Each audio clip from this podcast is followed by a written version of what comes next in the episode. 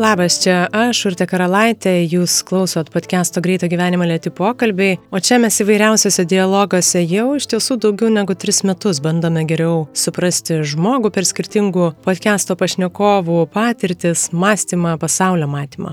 Primenu, nes tai tikrai labai svarbu, podcastas ir visi šitie auginantis pokalbiai jau tiek metų gyvi tik tai rėmėjų ir jūsų finansinio palaikymo dėka. Tai kadangi nuo pat pradžių esu pasižadėjusi podcast'o turinio neapmokestinti, neužrakinti, jokių prenumeratų nedaryti, tai prašau jūsų visiškai savanoriškai prisidėti prie pokalbių gyvavimo, kad ir simbolinė kasmėnesinė suma. Pažadu, mainais gausite dar daugybę vertingų minčių ir dialogų. Prisidėti galite patreon.com pasvirasis brūkšnys lėti pokalbiai. Šiandien podcast'o svečias tyriamosios žurnalistikos žurnalistas, rašytojas Davidas Pancerovas. O kalbame šį kartą apie tiesos paieškas šio laikiniam pasauliu, kuriame atrodo vis lengviau tampa ją slėpti viešųjų ryšių, manipulacijų ar net saviapgaulės šabakštynuose kaip man visai įprasta, aš kartais nuvedu pokalbį kiek abstrakčias lankas, bet Davidas šį kartą puikiai išlaviruoja, e, ne tik pamastydamas plačiau, bet ir nuleisdamas mus visus ant žemės į vairias profesinės ir asmeninės patirtis ir istorijas. Tai tas tikrai labai įdomu.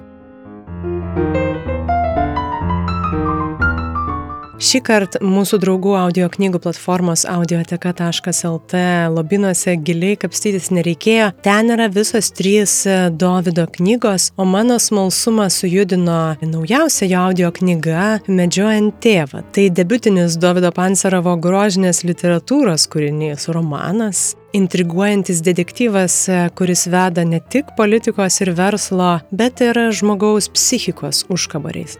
Tai šią aš ir pati besiruoždama pokalbiui puoliau klausyti. Nuoroda į audio knygą kaip visada epizodo apraše, o su kodu lėti pokalbiai visoms audioteka.lt knygoms gausite 20 procentų nuolaidą iki spalio 6 dienos. Gerai, gana informacijos, dabar jau atsiduokime dialogui, tikiuosi rasite ten ir jums įdomių kabliukų.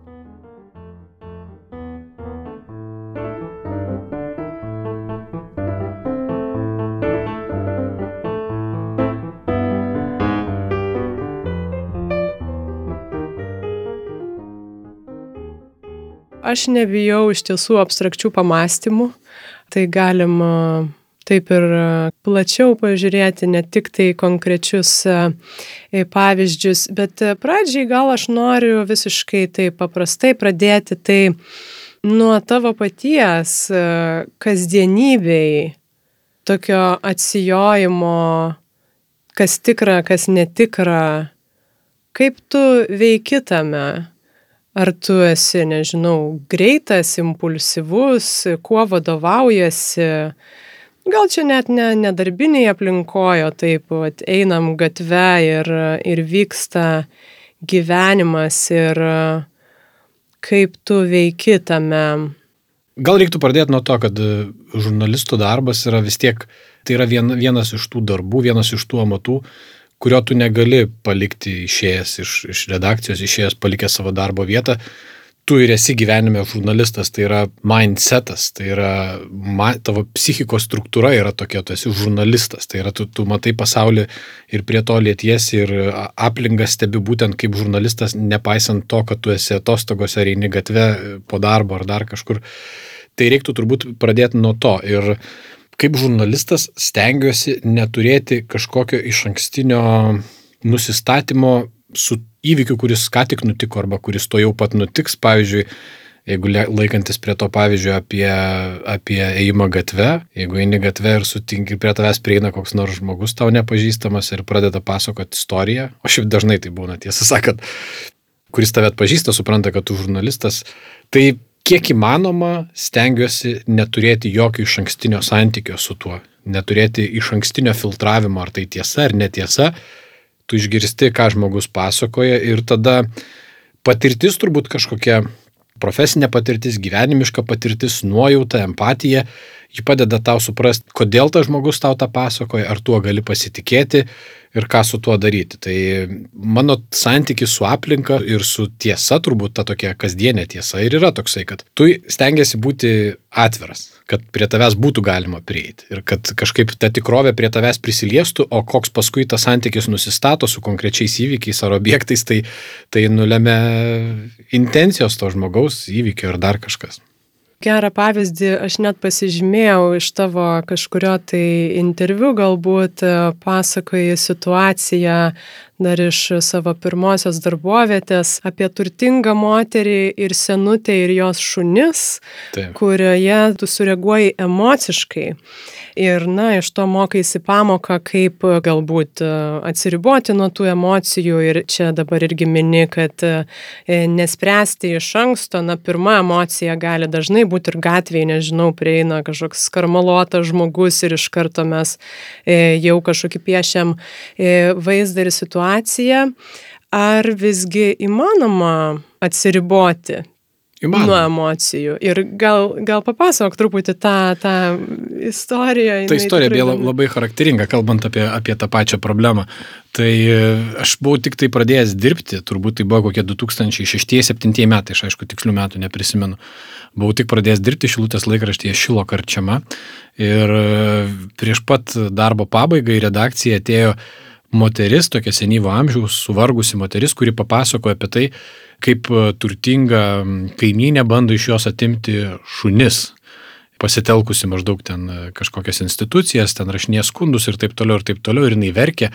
Ir iš tikrųjų emociškai buvo toksai, kaip čia pasakyti, jinai, nu, jinai, jinai, jinai rodė tokių ne, regis nesuvaidintų emocijų. Ir žurnalistikos taisyklės reikalauja, kad e, net jeigu tu ėmėsi istorijos ir klausai vieną pusę, tu privalai išklausyti antros pusės. Ir tuo metu buvo, kaip jau sakiau, vakaras ir laikraštis buvo atidavinėjamas leidybai, ten buvo likusios gal kelios valandos, aš neprisimenu kiek tiksliai, e, atiduoti laikraštį. Tai aš paėmiau tiesiog užrašiau jos skundą, nes mes ten turėjom tokią skiltį, aš neprisimenu kaip jinai vadinasi, karštoji linija ar kažkaip panašiai, tokia skundų linija, žodžiu, e, kur, kur yra aiškus formatas, tu nurodai, kad tai yra žmogaus skundas ir pateiki, žodžiu, tą skundą.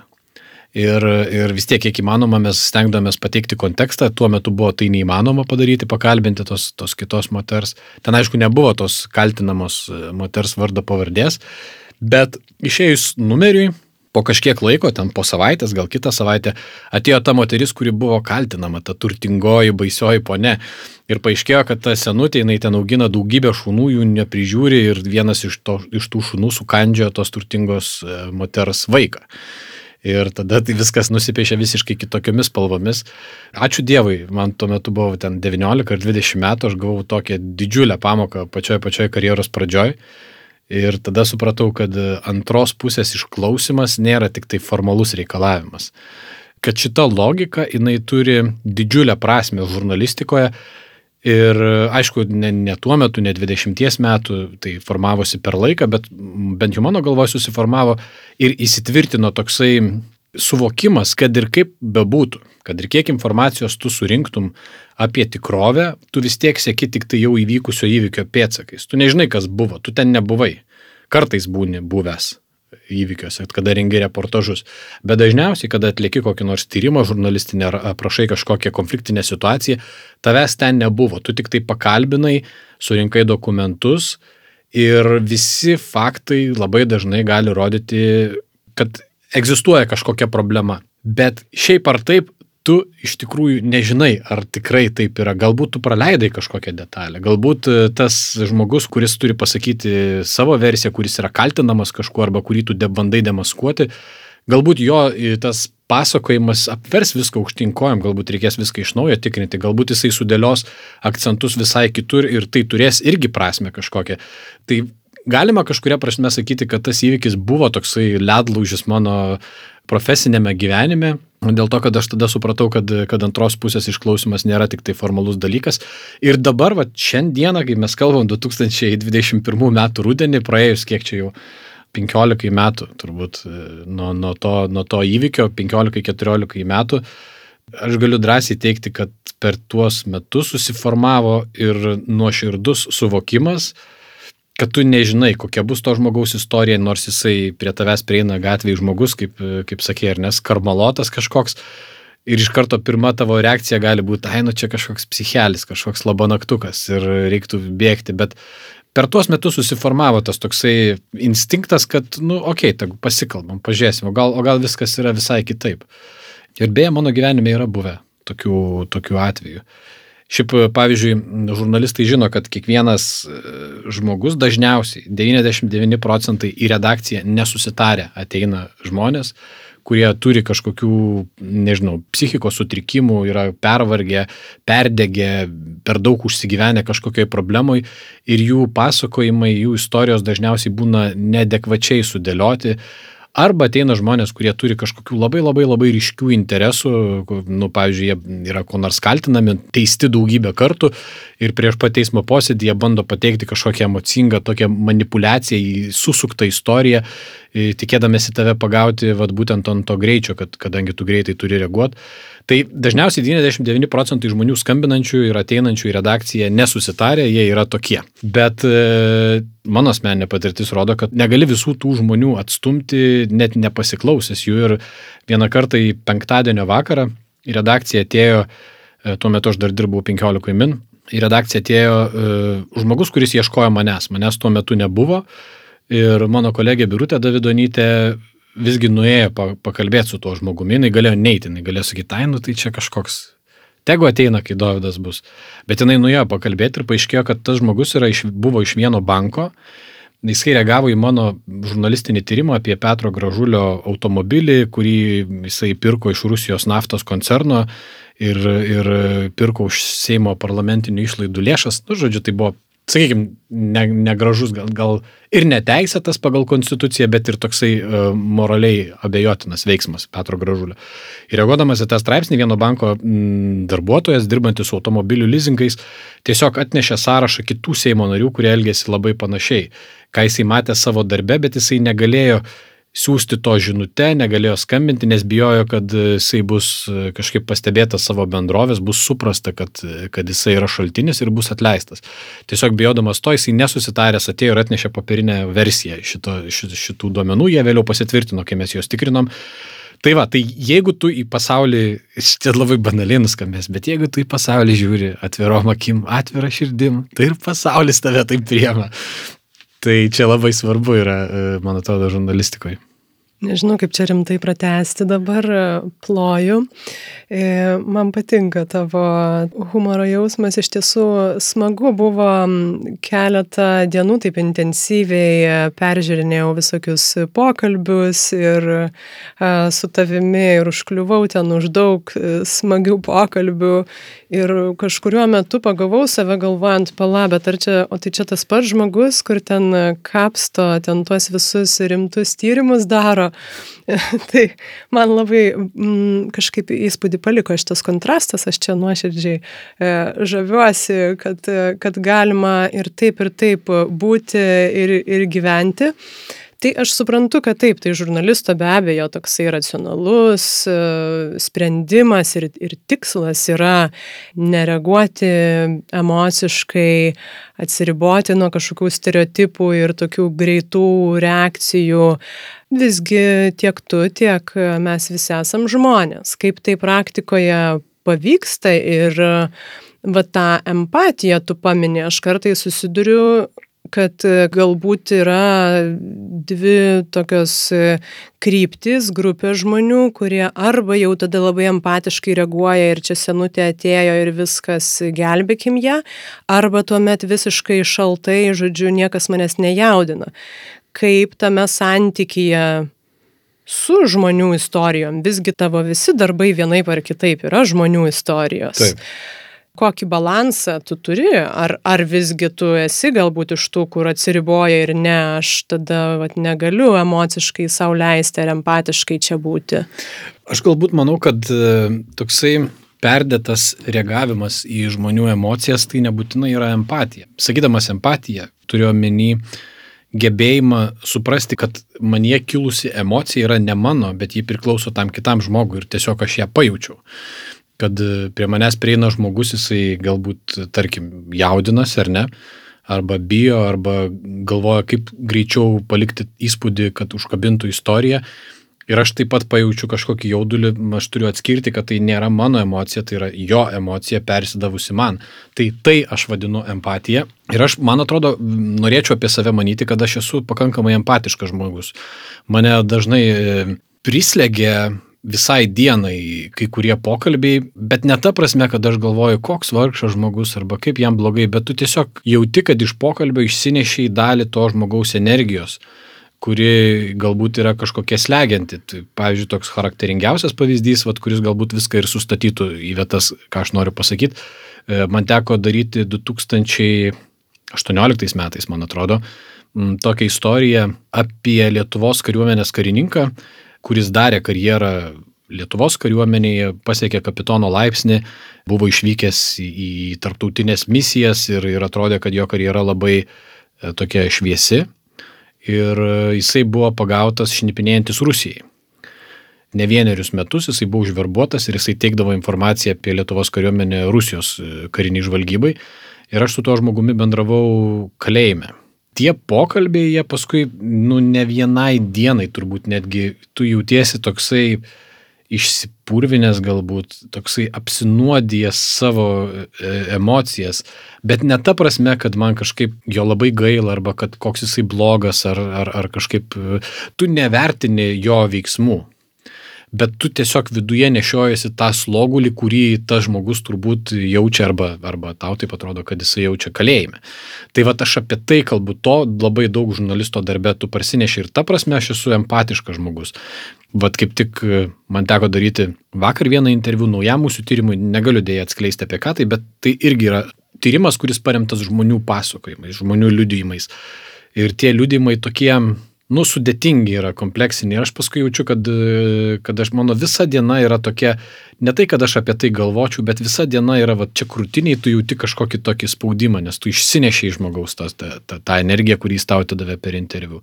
Tai vad, kaip nuo to atsiriboti, Jeigu Dievas duos, tikiuosi, kad man niekada nepavyks nuo to atsiriboti, nes tai yra darbo įrankis. Aš tai suprantu kaip darbo įrankį, jo labiau, kad vis tiek aš noriu rašyti ir literatūrą. E, grožinę turiu menį literatūrą, ne tik negrožinius kažkokius dalykus.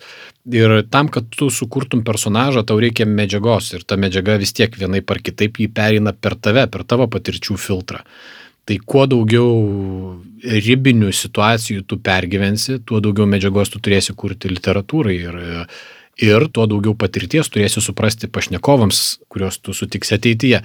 Tai atsiriboti nuo to aš nerekomenduoju ir stengiuosi to nedaryti. Tiesiog reikia išmokti su tuo gyventi, kad, nu, vat, jo, tu supranti, kad šiandieną man yra bloga diena arba aš visiškai neturiu energijos, aš esu visiškai pavargęs, nes aš turėjau kažkokį labai sudėtingą pokalbį, bet aš iš to pokalbio išsinešiau informaciją, tai yra mano vienintelis tikslas. Tai tavo susitikimas su žmogumi yra ne dėl to, kad jį užjaustum, ne dėl to, kad jam padėtum, ne dėl to, kad, e, nežinau, kad kažkaip jūs pasidalintumėt savo žmogišką patirtimi. Vienintelis tikslas, dėl ko tu susitinki su kaliniais, išnaudojamai žmonėm, kaip paskutinis mūsų tyrimas apie, apie išnaudojimus tolimųjų reisų vairuotojus. Tu susitinki tik dėl to, kad jie tau papasakotų savo istoriją, o tai yra atiduota informacija. Daugiau man nieko iš jų nereikia. Aš nesu jiems nei teisėjas, nei, nei nežinau, nei išpažinčių klausytojas. Ir stengiuosi nebūti. Tu dabar taip, e, kaip ir ganėtinai taip e, šaltai nukirti, bet e, taip. tau nieko iš jų nereikia, bet kaip tu ir pats sakai, tu tą bagažą kažkokį vis tiek gauni, tą krūvį taip. emocinį. Pasimdamas iš jų informaciją, kaip aš sakau, pasimdamas jų istoriją, tu parsineši tą emocinį krūvį. Žurnalistas, kuris daug bendrauja su kitais žmonėmis, nes, nes jeigu tu dirbi, pavyzdžiui, politikos ar verslo aktualių žurnalistų, tau to tenka gerokai mažiau, nes tai yra toksai, nu, labiau analitinis darbas kur tu gauni informaciją, ją susistemini ir paaiškini, vat, koks procesas vyksta. Kai tu dirbi tyriamojų žurnalistikoje arba, kaž, arba nagrinėjai socialinės temas, e, tai tau tenka nuolat bendrauti su žmonėmis ir tavo e, žurnalistinės veiklos pagrindas yra būtent žmonių papasakotos istorijos, kurios visą laiką būna sudėtingos. Nu, labai mažai man gyvenime yra tekę daryti kažkokių fainų, pozityvių istorijų apie fainus žmogeliukus. Tai kada tau tas žmogus atiduoda tą savo istoriją, kaip jisai pasakojo, kaip jis buvo užverbuotas Rusijos žvalgybos, karinės žvalgybos. Ir kai jisai pasako, ką jisai jautė, kai išdavinėjo savo draugus, nu, tu nori, nenori visą tą su tuo bagažu, su to, su, ta, su to žinių ir informacijos, faktų bagažu, tu pasiemi ir tą emociją. Ir tu jau, nu, toks darbas tiesiog. Bet e, aš neturiu kažkokio, vat, pavyzdžiui, su to žmogumi, ar ne, aš pasiemiau jo emociją, man jisai užpildė mano dieną, bet aš neturiu su juo kažkokio santykio, kurį būtų galima apibūdinti, kad man jo gaila ar negaila ir taip toliau. Tai tu neturi tokio santykio. Tiesiog tu turi santykį su ta informacija, kurią tu gavai. Bet tu taip pat paminė, čia toks irgi e, stiprus taškas, kad būtent ribinės situacijos yra, na, ir tam tikras uh, įrankis kūrybai, jeigu kalbant ir apie grožinę, tarkim, literatūrą, tai vėlgi yra nemaža kaina. Aš suprantu, ką sakai, bet Taip. tam, kad ta kūryba turėtų svorio, tu tarsi leidėsi į kažkokias tai sudėtingas ar ribinės situacijas, tai ar tie tyrimai jūsų ar, nežinau, darbas ir Ukrainoje, ir e, kare, ar ta kaina yra verta ir kaip tu įsivaizduoji, ar žmogus gali iš tiesų ją nuolatos ilgą laiką mokėti, ar, ar nebijai, kad ateis ta diena, kai, kai emocinio sunkaus krūvio bus per daug ir teks rašyti apie gražius žmogeliukus. Aš tikiuosi, kad taip nebus. Beje, čia toks viškio, prieš atsakant į klausimą, e, kai 2011 metais iš Šilutės atvažiavau į Vilnių ir, ne, aš atvažiavau anksčiau šiek tiek, bet 2011 metais e, Rimvidas Valatka, kurio beje pokalbį čia matau padėtą, Rimvidas Valatka pakvietė mane dirbti portale Lrytas LT, jis sako, aš turiu dvi pozicijas. Arba, sako, dirbti kriminalų žurnalistų, arba rašyti apie fain žmogeliukus pramogų skiltyje. Man ir ta ir ta buvo svetima pakankamai, bet gal kriminalų. Na, aš sako, irgi taip galvoju. Tai ar ta kaina yra verta to, ką tu gauni? Tai tokio klausimo, bent jau žiūrint iš mano perspektyvos, tu savo nekeli. Nuo tavęs nepriklausantis dalykas turbūt reiktų leistis labai labai giliai į savo požemius, kad suprastum, dėl kokių priežasčių man to reikia. Nes tai nėra kažkoks apmastytas ir, ir, ir racionaliai suformuoluotas poreikis, kad štai man reikia eiti ribinės situacijas, nes aš ten prisirinksiu medžiagos ir iš to kursiu kažką ar tai grožinę literatūrą, ar tiesiog tapsiu geresniu žurnalistu. Ne, taip nėra. Ta turbūt logika yra visai kitokia, kad tu tiesiog pamatai ribinę situaciją, į ją puoli, iš ten kažką parsineši ir tada galvoji, aha, aš galiu su tuo padaryti kažką įdomaus. O bet kodėl tu ten puoli, tai turbūt reiktų čia jau ne podcast'o, čia jau reiktų grožinės literatūros, kad galėtum atsakyti į klausimą, dėl kokios priežasties žmogui reikia kažką įrodyti, dėl kokios priežasties žmogui reikia tų ribinių situacijų, dėl kokios priežasties reikia kurti literatūrą arba rinkti tą medžiagą. Tai šitą klausimą aš atsakymo iki šiol neturiu ir tiesą sakant, net nenoriu turėti. Man taip tinka. Taip kaip susiklostė mano gyvenime, man taip tinka, kad, kad tokie dalykai mane domina. Aš neįsivaizduoju savęs jokiam kitokiam gyvenimo būdė. O ar tai ilgainiui netaps per didelę šitą kainą, aš šito nežinau, bet turiu įtarimą, kad galėtų tapti. Nes jau dabar, būdamas 34 metų, aš jau esu turbūt galima sakyti brandus žurnalistas, bet nesu senas žurnalistas. Kaip žurnalistas aš esu pakankamai jaunas, bet aš jau savyje jaučiu, kad tam tikri dalykai man darosi nebeįdomus e, matyti, Aš pastebiu kažkokius sisteminius panašumus, pastebiu tendencingumą vienų ar kitų procesų. Kai kurie dalykai, kurie anksčiau mane jaudindavo, nebejaudina. Man atrodo, aišku, tai yra ir brandos e, dalykas, bet kitas dalykas yra tokio latentinio nuovargio, nes e, vat kai mes su Birutė išėjome iš 15 min ir atėjome į Laisvės TV, tuo metu kaip tik prasidėjo tas antrasis karantinas ir mes turėjom tokį šiek tiek emociškai lengvesnį laikotarpį aš kažkaip pagalvojau, turėjau laiko ir erdvės pamastyti apie savo prieš tai darytus darbus, kryptis ir taip toliau. Ir kažkaip supratau, kad pastaruosius dešimt metų aš gyvenau labai įtemptą ir daug, nu, tokios egzistencinės įtampos pareikalavusi gyvenimą. Tai ten Maidano revoliucija, Afganistanas, Ukrainos karas, paskui tyrimas apie Artūrą Skardžių, ten tyrimas apie skvernelį, išėjimas iš darbo su tam tikru statementu.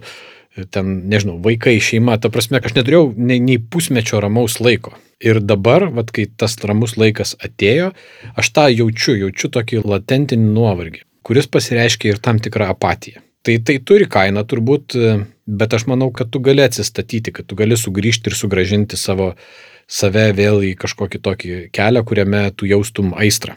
Turbūt svarbu tą ir pastebėti. Čia aš kažkaip ir, ir klausiu su tą mintimi, kad ir, ir pati pastebiu, kad, na, kai kurie intensyvesni pokalbiai e, tą krūvį tikrai palieka ir ką ir tu sakai, kad mes tarsi taip neišsinešam tų emocijų, bet mes esam tame debesyje nuolatos. Ir vad, kai tu kalbė apie dešimt metų, aš įsivaizduoju, kad tokio nepastebimo, beveik nepastebimo nuovargio, e, arba jisai pastebimas tik šiek tiek atsitraukia pasitraukus, kaip sakai, yra rizika, tai norisi čia save ir pasaugoti.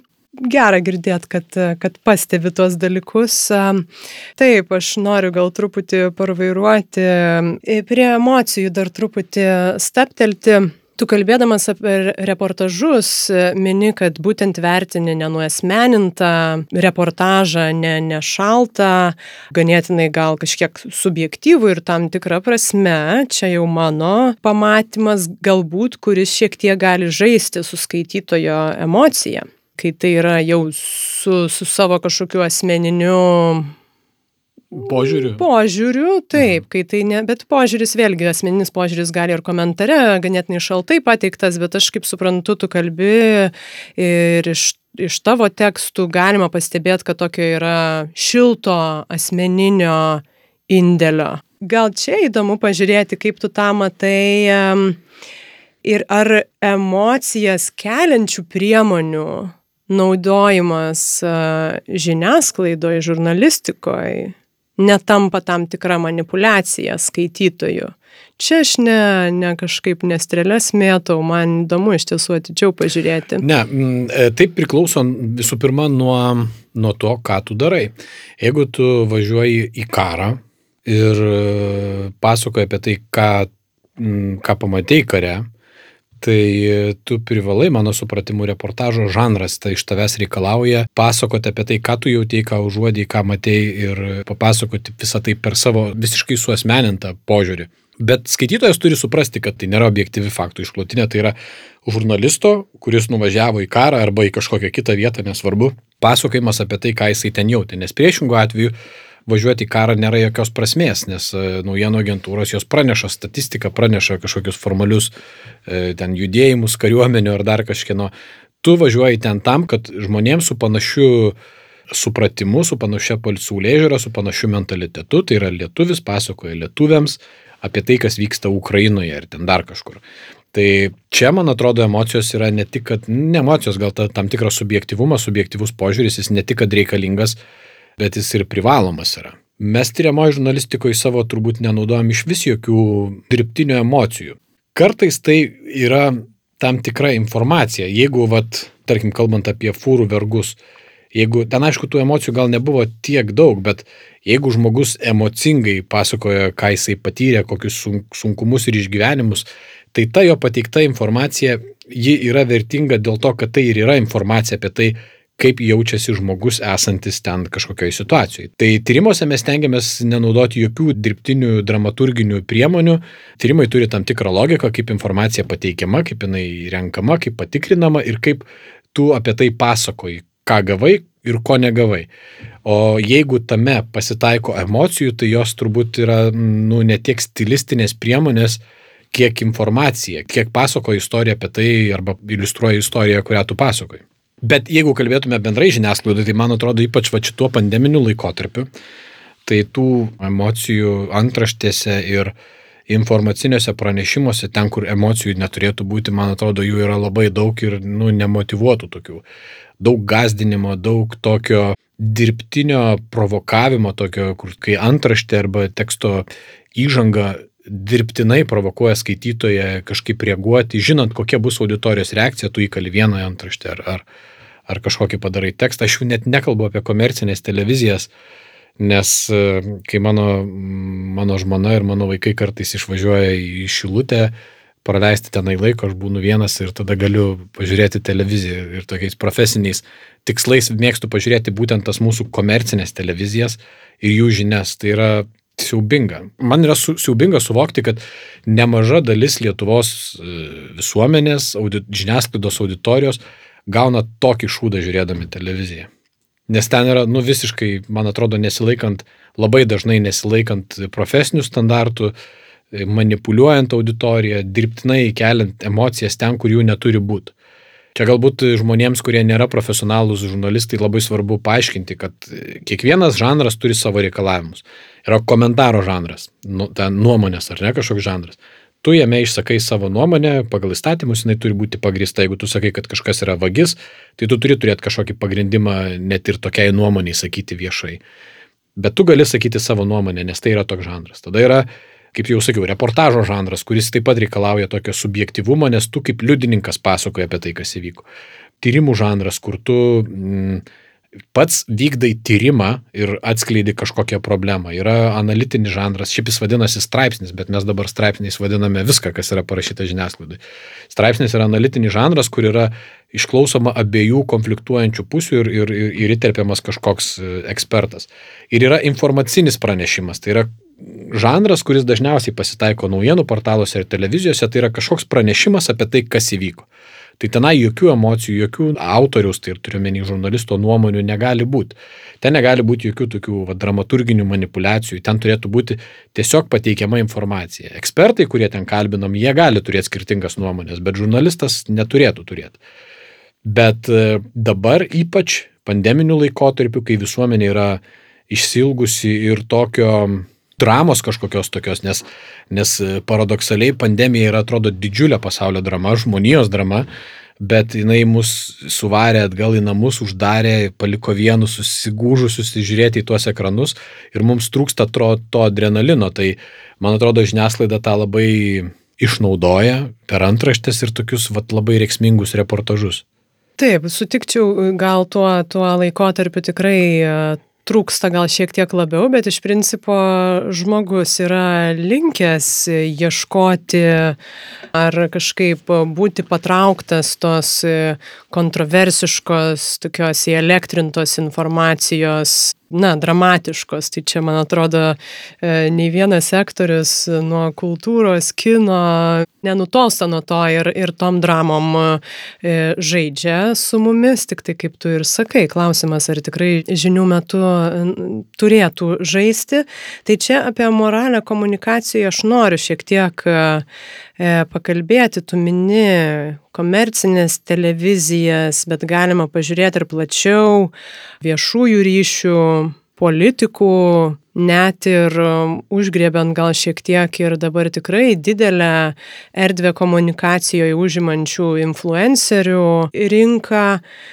Kaip matai moralės rolę dar visam šitam bendram komunikacijos katile ir kur tai veda. Ar mes tuomet, na, kadangi vis labiau nebegalim pasitikėti tai, kas išeina į orą, nesvarbu, ar viena kita televizija, be abejo, bandome atsirinkti, ar ne, tai koks čia šaltinis, bet tos informacijos yra labai daug mes vis dažniau susidurėm su netiesa ar vienaip ar kitaip išsivartimais, e, paprastai tariant.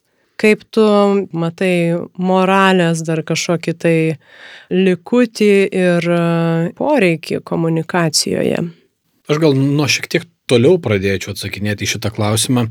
Man atrodo, kad e, ypač mūsų regione, bet, bet tai liečia turbūt ir visus vakarus, pastaruoju metu, man atrodo, demokratija tampa tokia imitacinė, sakyčiau taip, kad e, buvo valstybės, kurios demokratijos siekia ilgą laiką, mokėsi iš savo klaidų ir kūrė kažkokį taisyklių rinkinį, kaip mes gyvenam demokratiniai visuomeniai. Ir per tą laiką, per tas patirtis, sėkmės ir nesėkmės buvo suprasta, kad reikalinga tas, reikalinga žiniasklaida, reikalinga žmogaus teisės, tas teises reikia apginti, reikia, reikia stengtis, kad mažumos ir kažkokios visuomenės grupės nebūtų ignoruojamos ir taip toliau ir taip toliau.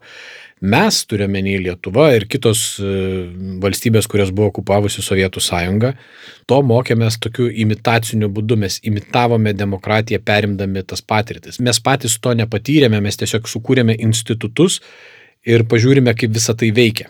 Ir, ir aišku, iš vakarų atvažiavo tie žmonės, kurie mums padėjo tai sukurti ir kurie sakė, kad gal jūs čia darot ne taip, o ten reiktų taip daryti. Ir taip mes sukūrėme savo demokratiją.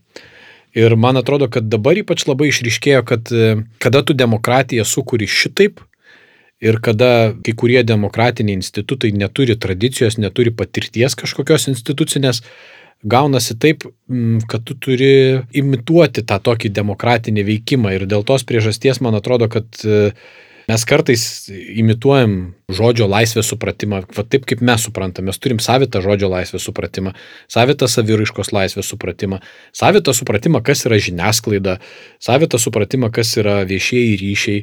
Ir kada tos savokos jos mums yra tokios, kaip ir labai daug kartų mes esam girdėję, kad va, yra demokratija, yra žodžio laisvė, bet jeigu paprašytume apibūdinti netgi tų žmonių, kurie veikia mūsų Facebook'o burbuluose, tame informacinėme elite, nu ne visi turbūt galėtų paaiškinti, kas tai tiksliai yra, nes mes turim kiekvienas savo kažkokį tokį labai savitą supratimą pagal tai, ką mes skaitėm vakarų knygų, ko neskaitėm vakarų knygų, pagal tai, ką mums tėvai pasakoja, kurie augo nedemokratijoje. Kada yra tokių neiškumų, kada savokos yra išplaukusios, neapibrieštos, nėra dėl bendrų vertybių susitarta iki galo, tada atsiranda daug erdvės, nu, va tokiam manipulacijom. Ir tada tu gali imituoti tikrovę, imituoti tiesą, imituoti kažkokį demokratinį veikimą, atkartodamas to bruožus. Tai yra, kad, nu, vat, jeigu vat, demokratiniai valstybėje ne, yra priimta, kad kai rašomas koks nors e, demaskuojantis straipsnis, kad kažkas yra blogas, vat, yra blogas politikas, tai tu pakalbini tą politiką, tą, kuris sako, kad jis blogas ir pakalbini kažkokį ekspertą nu, atrodo viskas aišku, kai tu tai pasakai, atrodo taip turėtų atsiskleisti tiesa, ar ne, bet manipuliuodamas šitom taisyklėm tu gali padaryti, kaip daro kai kurie mūsų dienraščiai, kaip daro kai kurios e, viešųjų ryšio agentūros, užsakinėjančios straipsnius tokiuose dienraščiuose, tu gali tiesiog parašyti, kad tas politikas yra žiauriai blogas, blogas, blogas, blogas, tada tu sukalti e, kažkokių pilną kaltinimų, kurie nėra pagristi įkalti jo atsakomojo nuomonę kažkur gale ir įdėti kokį nors bendrą ekspertą ir tai formaliai atitinka visas tas taisyklės, kaip mes turėtume žaisti šitame lauke. Nu, bet tai nėra tai. Tai yra toks imitavimas žodžio laisvės ar žiniasklaidos imitavimas ir, ir, ir, ir panašiai. Tai man atrodo, kadangi mes taip vad gyvenam tokioje išplaukusio erdvėje, kadangi mes neturim žiniasklaidos tradicijų, politikos tradicijų, mes jas kūrėme tik dabar. Dėl tos priežasties yra labai daug erdvės manipulacijom, viešiesiems ryšiams, labai daug erdvės neprofesionalumui, labai daug erdvės e, tokiam apsimetimui, kad tu laikaisi profesinių standartų. Ir iš čia kyla tos problemos, apie kurias mes kalbėjom prieš tai. Kaip tai veikia tuomet vat, apie pasiekmes galvojant ir kaip galbūt e, tave patį tai veikia? tu irgi dalyvauji visame šitame kaip, kaip žiūrovas, kaip skaitytojas, kaip stebėtojas, ka, kokia ten informacija bebūtų, bet ir tada plačiau pažiūrint, kaip tai keičia mūsų pasitikėjimą tarpusavę, bendruomeniai. Freedom House skaičiai rodo, kad e, tie laisvės matavimo indeksai, kurie, kurios naudoja Freedom House, rodo, kad demokratija silpnėja pastaruosius 13 metų visuose vakaruose. Ir e, pasitikėjimas žiniasklaida visuose vakaruose jisai krenta.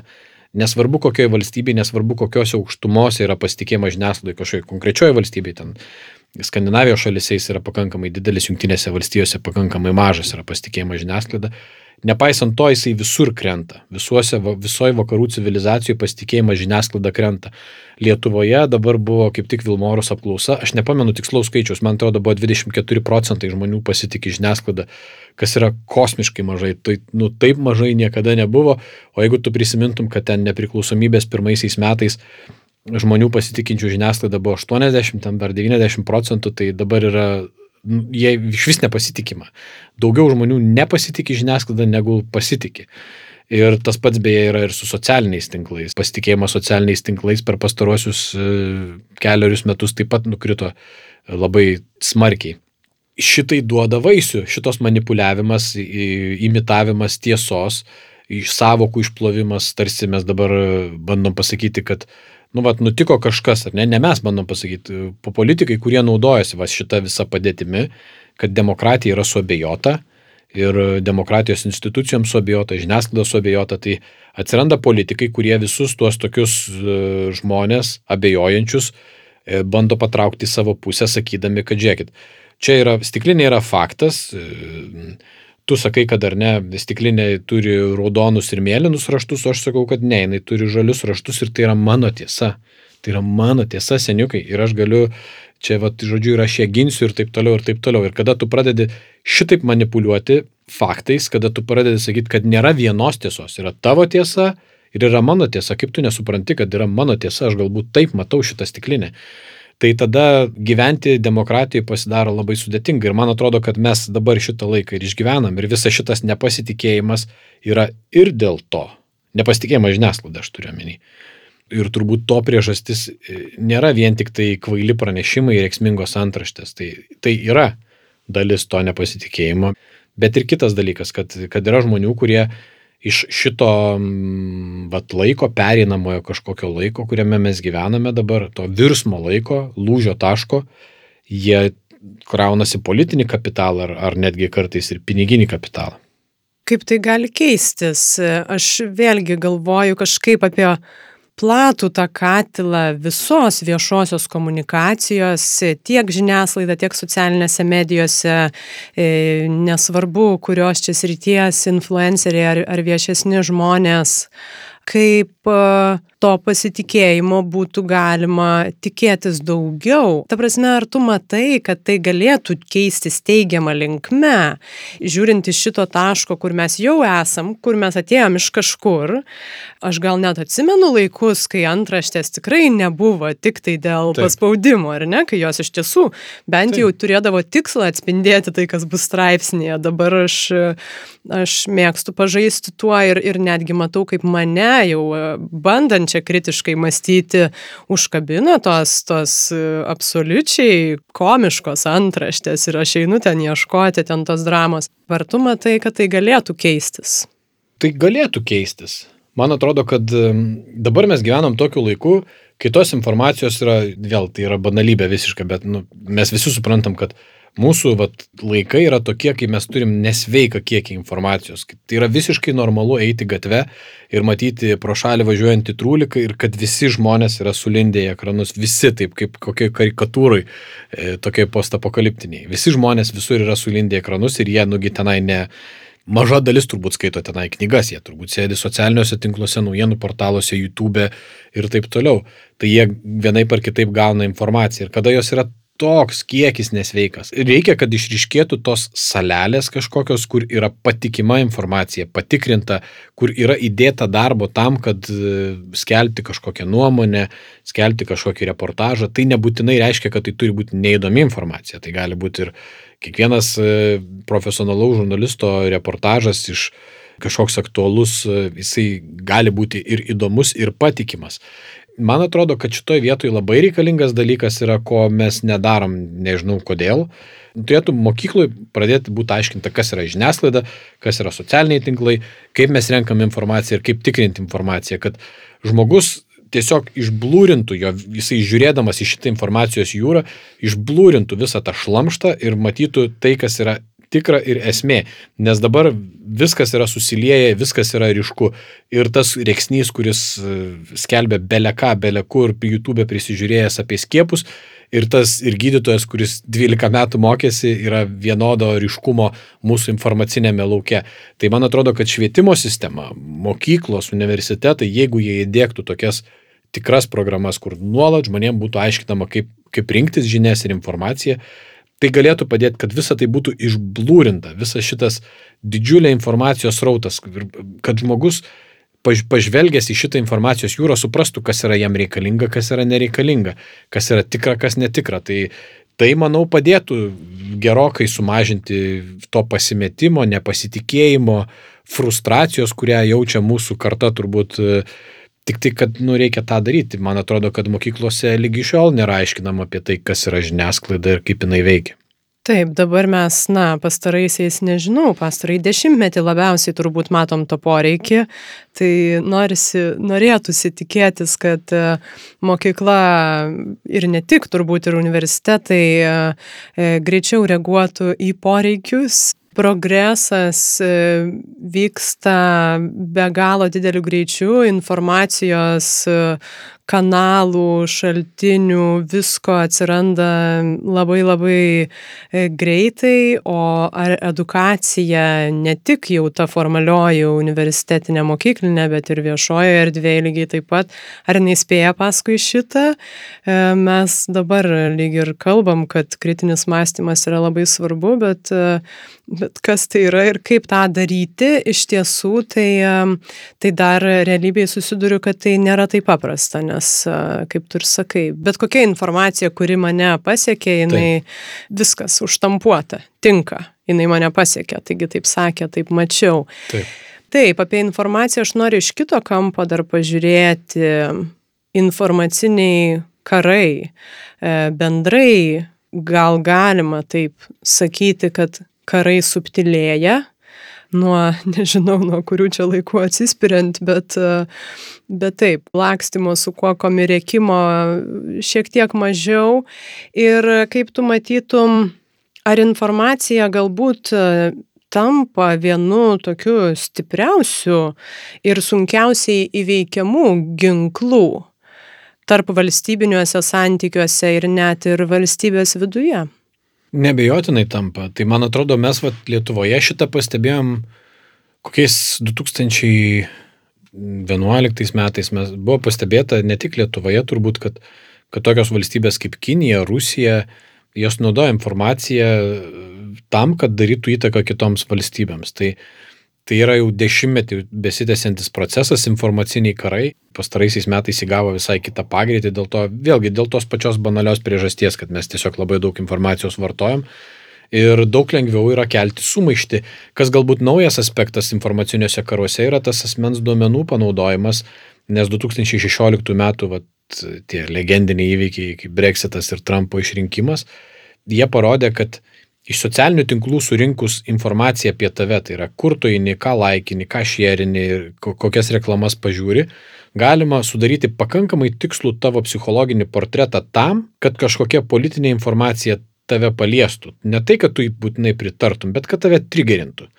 Tai, tai buvo padaryta, sudaryti daugybės amerikiečių ir, britų profiliai e, tam, kad juos pasiektų socialiniuose tinkluose kuriama politinė reklama ir kažkokie feikiniai arba nebūtinai feikiniai tokie sumanipuliuoti pranešimai tave užkabintų ir, tu, ir tave paliestų ir kaip galima įtarti, daryti tokią drąsią prielaidą, kad tai kažkiek prisidėjo ir prie rinkimų rezultatų, turbūt. Tu kalbu apie Brexitą ir Trumpą.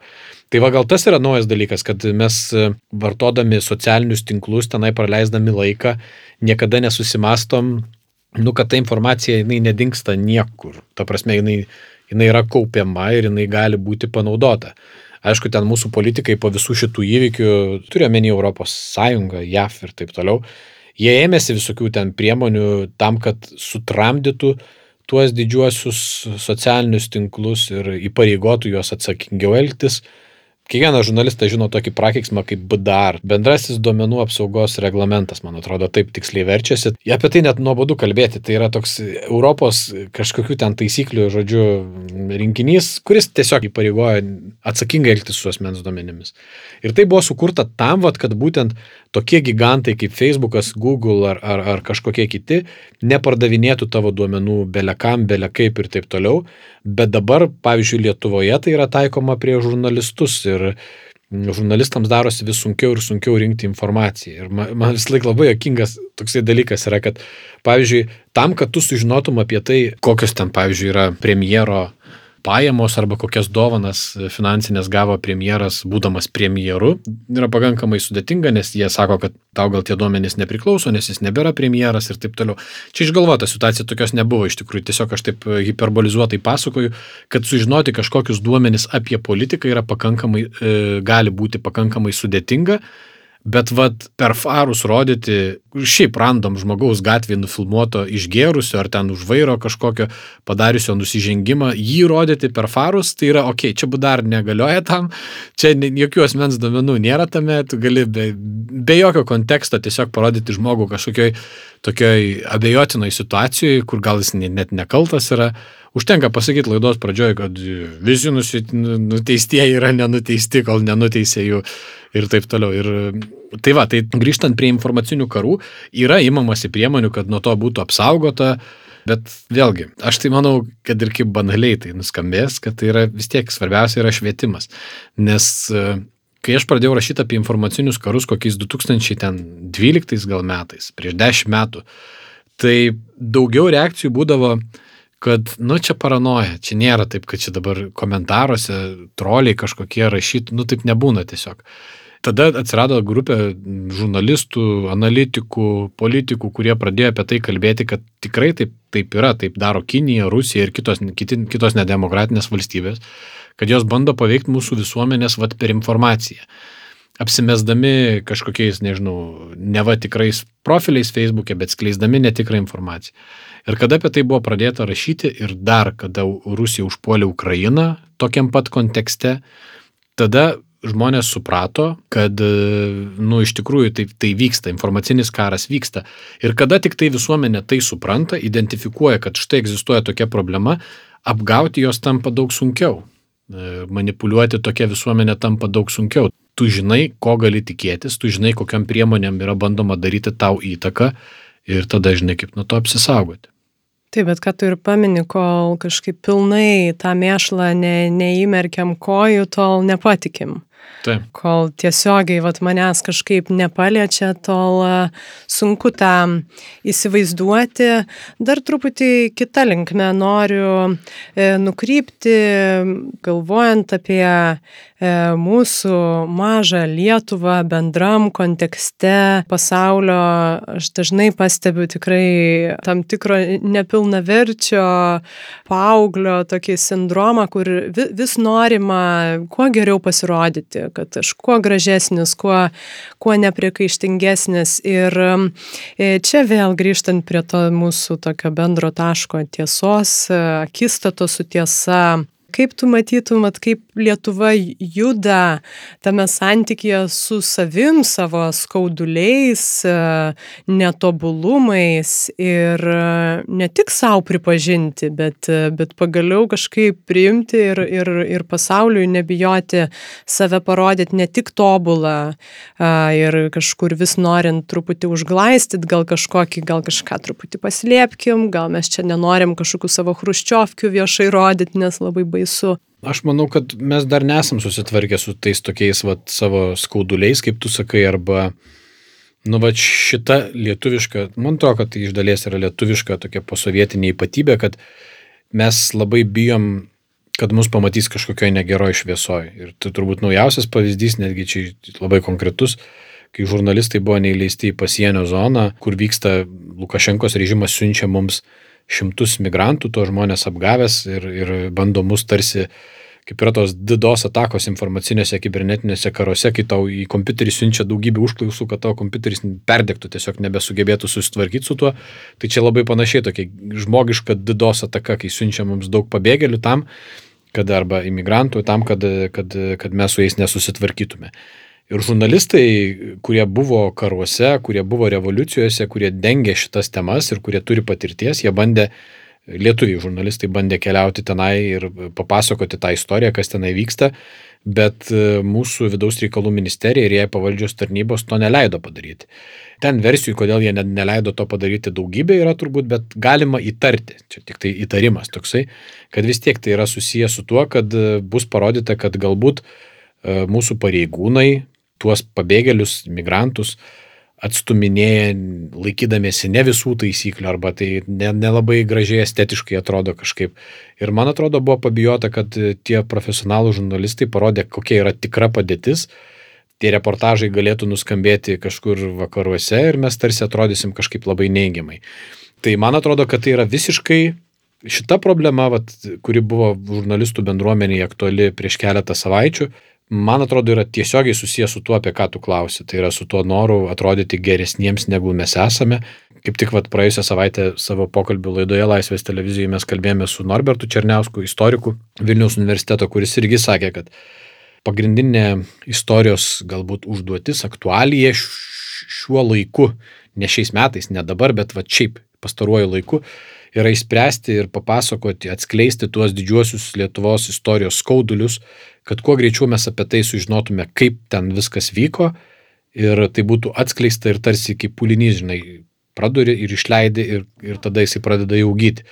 Tai istorikų, vat, pavyzdžiui, požiūriu, tai, tai tie didėjai skauduliai yra antrasis pasaulinis karas, tai turbūt visų pirma holokaustas, mūsų santykis su tuo, sovietinė okupacija, kolaboravimas ir taip toliau. Tai akivaizdu, kad bent jau dalis mūsų visuomenės ir turbūt nemaža dalis mūsų visuomenės nėra linkusi apie tai kalbėti viešai daliai mūsų. Atrodo, kad tuos tyrimus istorikų profesionalius reiktų padaryti, išsiaiškinti, kiek lietuvių iš tikrųjų kolaboravo ten su sovietais arba su nacijais, kiek žmonių prisidėjo prie holokausto ir kokiam formom ir taip toliau. Kiek mūsų kažkokių istorinių asmenybių, kurioms dabar yra pastatyti paminklai ir ten lentelės, kiek jie buvo įsitraukę į šituos procesus daliai mūsų atrodo, kad vat, reiktų gal padaryti tai, bet kažkur laikyti tyliai ir nerodyti visiems kitiems, kad nepasigautų Rusijos propaganda, kad ten vakaruose gal kažkas nesužinotų, gal kad Izraelis mūsų nepasmerktų ir panašiai. Tai nežinau, tai man atrodo toksai požiūris yra nulemtas vis tiek tos sovietinės trauminės patirties, kad tu nori laikyti visą, visas savo paslaptis ir tą tiesą, kuri yra galbūt apie kurią nesinori kalbėti su kaimynais, tu nori ją laikyti užtraukęs užuolaidas virtuvėje ir paslėpęs ir niekam jos nerodyti, nes e, labai svarbu yra ką, kas apie tave pagalvos. Tai man atrodo, kad mes e, atlikę sąžiningus tyrimus, paskelbę juos, pristatę juos, pristatę juos galbūt netgi savo valstybėm partneriam, kuriams tai galėtų būti aktualu, tie mūsų tyrimai, tai man atrodo, mes kaip tik atrodytume visiškai kitaip, mes atrodytume kaip brandesnė demokratija. Mano supratimu, mes link to einame, nes akivaizdu, kad ir apie holokaustą yra kalbama vis daugiau. Kalbama apie paminklus tiem žmonėm, kurie dalyvavo holokauste, bet e, tarsi turėjo ir, ir, ir kažkokių teigiamų savybių, kad jie, jie, jie padarė ir gerų dalykų.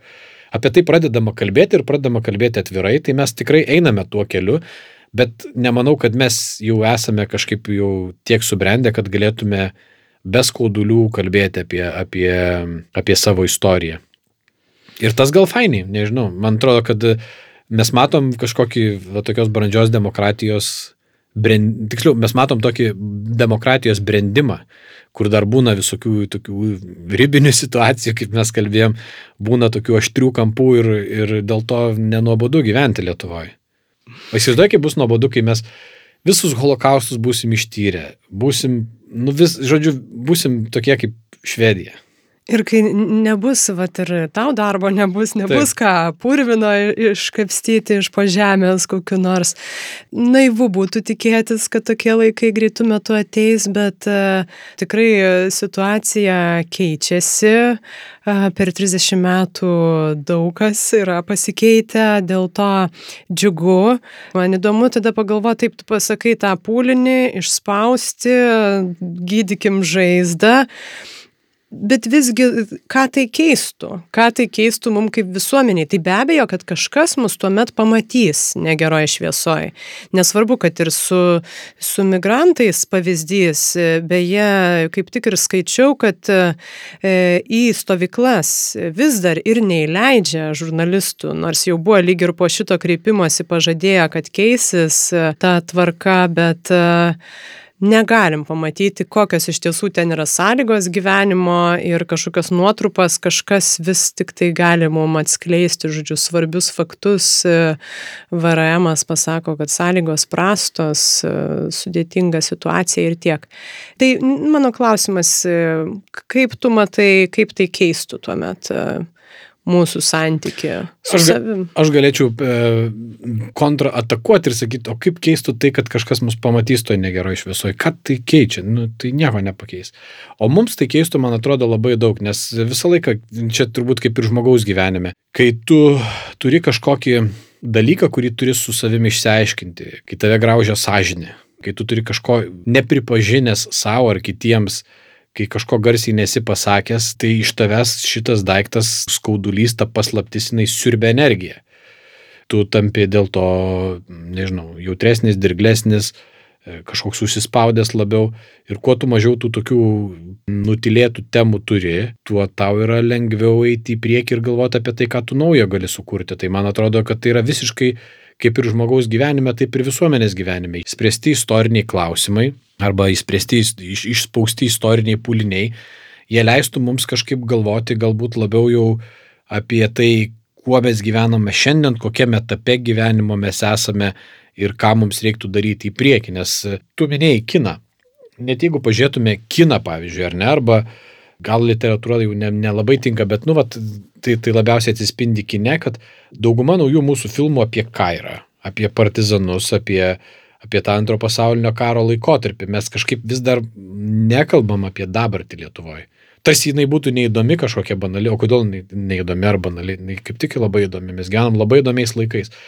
Bet man atrodo, kad mes esam praeitie tame kelyje palikę tiek tų skaudulių neišspręstų, kad menininkui, žmogui, kuris ieško būtent tokios temos, kuri būtų nepatogi, daug lengviau semtis tų nepatogių temų iš tos praeities, kur yra neįspręsti dalykai. Tai va, tai man atrodo, išsprendžius, įspaudus tos, tos pūlinius, to tavo oda pradeda gyti ir tu gali galvoti, kur pasidaryti tatuškę tada, gal kas toliau. Tai, tai aš tai taip matau kad įsprendus tuos, tuos skaudulius, man atrodo, mūsų energija būt, galėtų būti, didesnė energijos dalis galėtų būti nukreipta į, į kažkokius naujus, įdomesnius dalykus. Taip, aš galvoju, paminėjai tą kiną, galbūt tai yra viena iš priemonių kalbėti apie taip, tai. Taip. Be abejo, ten jau priklauso, kaip, kaip ta forma panaudota.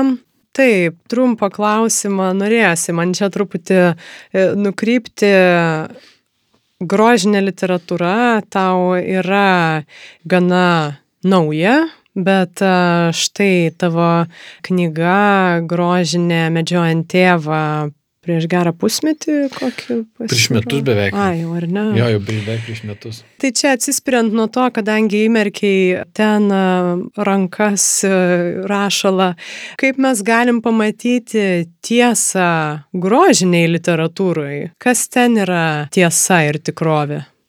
Tai gali nuskambėti paradoksaliai, bet man atrodo, kad grožinė literatūra kartais gali būti netgi geresnė platforma kalbėti apie tikrovę ir apie tiesą.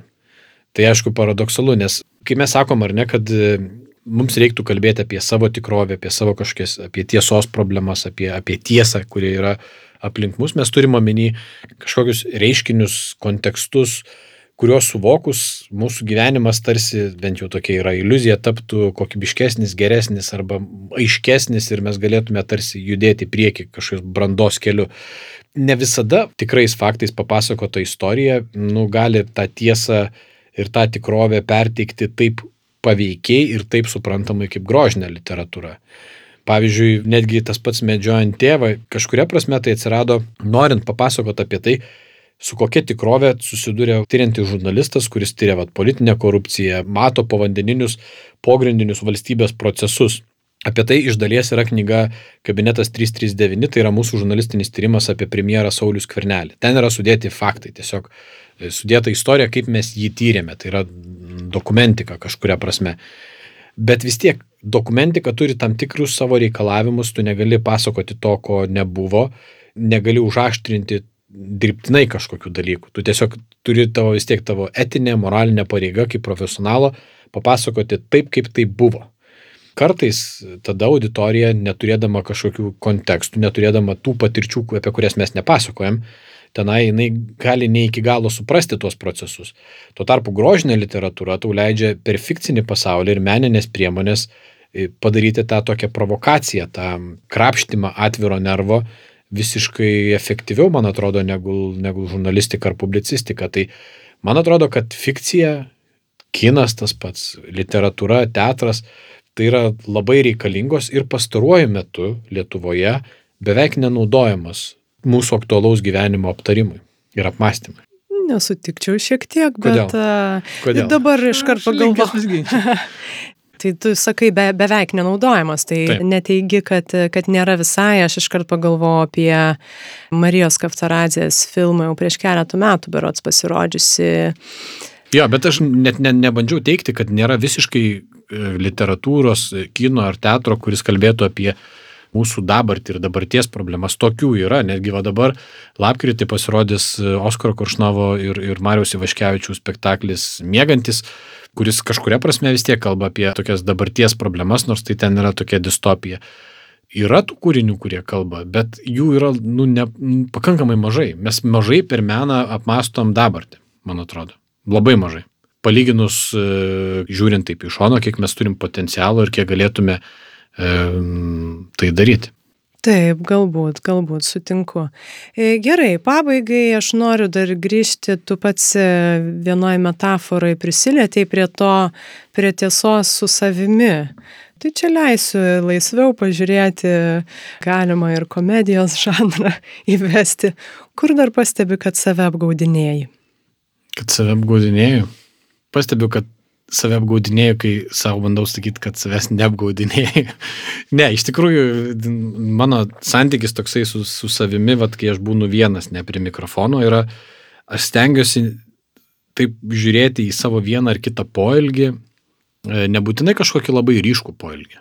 Nu, ta prasme, jeigu tu su kažkuo ten, tarkim, susipikai, tai yra ryškus poelgis ir tu jį nebejotinai kiekvienas turbūt mąstantis žmogus apmasto, kodėl taip nutiko. E, bet aš kalbu ir apie tokius kasdienius, e, kartais netgi kažkokias tokias, e, atrodo, fizinę motoriką tokią, kodėl tu krupteliai vienoje ar kitoje vietoje. Aš stengiuosi save, savo mintis ir savo poelgius apmastyti kiek įmanoma atviriau tam, kad e, suprasčiau, kaip va, veikia mano visas tas mechanizmas, kuris yra viduje. Gal tik tai kažkaip pastaruoju metu aš supratau, kad e, visgi nėra įmanoma tas santykis e, su, su tiesa tavo viduje, jisai visą laiką yra labai komplikuotas, nes tu į ją žiūri tarsi per tokią miglą, vienaip ar kitaip, tavo sąmonė į tai žiūri per miglą, o tą miglą sudaro tavo tos dienos kažkoks, nežinau, tos dienos rūpešiai, tos dienos nuovargis, tos dienos energijos kiekis, tų dienų aktualijos e, įsitraukimas, į sugebėjimas įsitraukti į, sav, į savianalizę ir taip toliau. Tu niekada negali taip visiškai skaidriai matyti motyvų, dėl ko vien, pasielgi vienaip ar kitaip. Ir dėl tos priežasties santykis su, su tiesa savo viduje turbūt yra kaip žurnalisto su tiesa. Tu gali pririnkti daug faktų, bet tu nežinai, ar tai tiesa taip šovė staiga, bet gal irgi verta paklausti tos kitos nuomonės. Gal, gal vat, tas pastabė. pažiūrėjimas iš įvairių pusių, mano matymas tos situacijos vienaip ir tada ieškojimas atspindžių galbūt kažkur kitur, kalbėjimasis apie tai galbūt ir priartina prie kažkokios tiesos apie tas situacijas. Gali būti. Tai... Turbūt, kad taip ir yra, jo. Tai dėkui, Dovydai, man atrodo, kad čia mes taip labai e, gražiai e, finalizuojam, nes e, būtent tu ir esi dabar šitoj kėdėjai e, mūsų pokalbėje, kur, kur padedi tam tikrą prasme ir mum pasižiūrėti ir į save, ir į savo tiesas, ir mūsų aplinkos, bendruomenės, pasaulio. Dėkui. Ačiū, kad pakvietėte.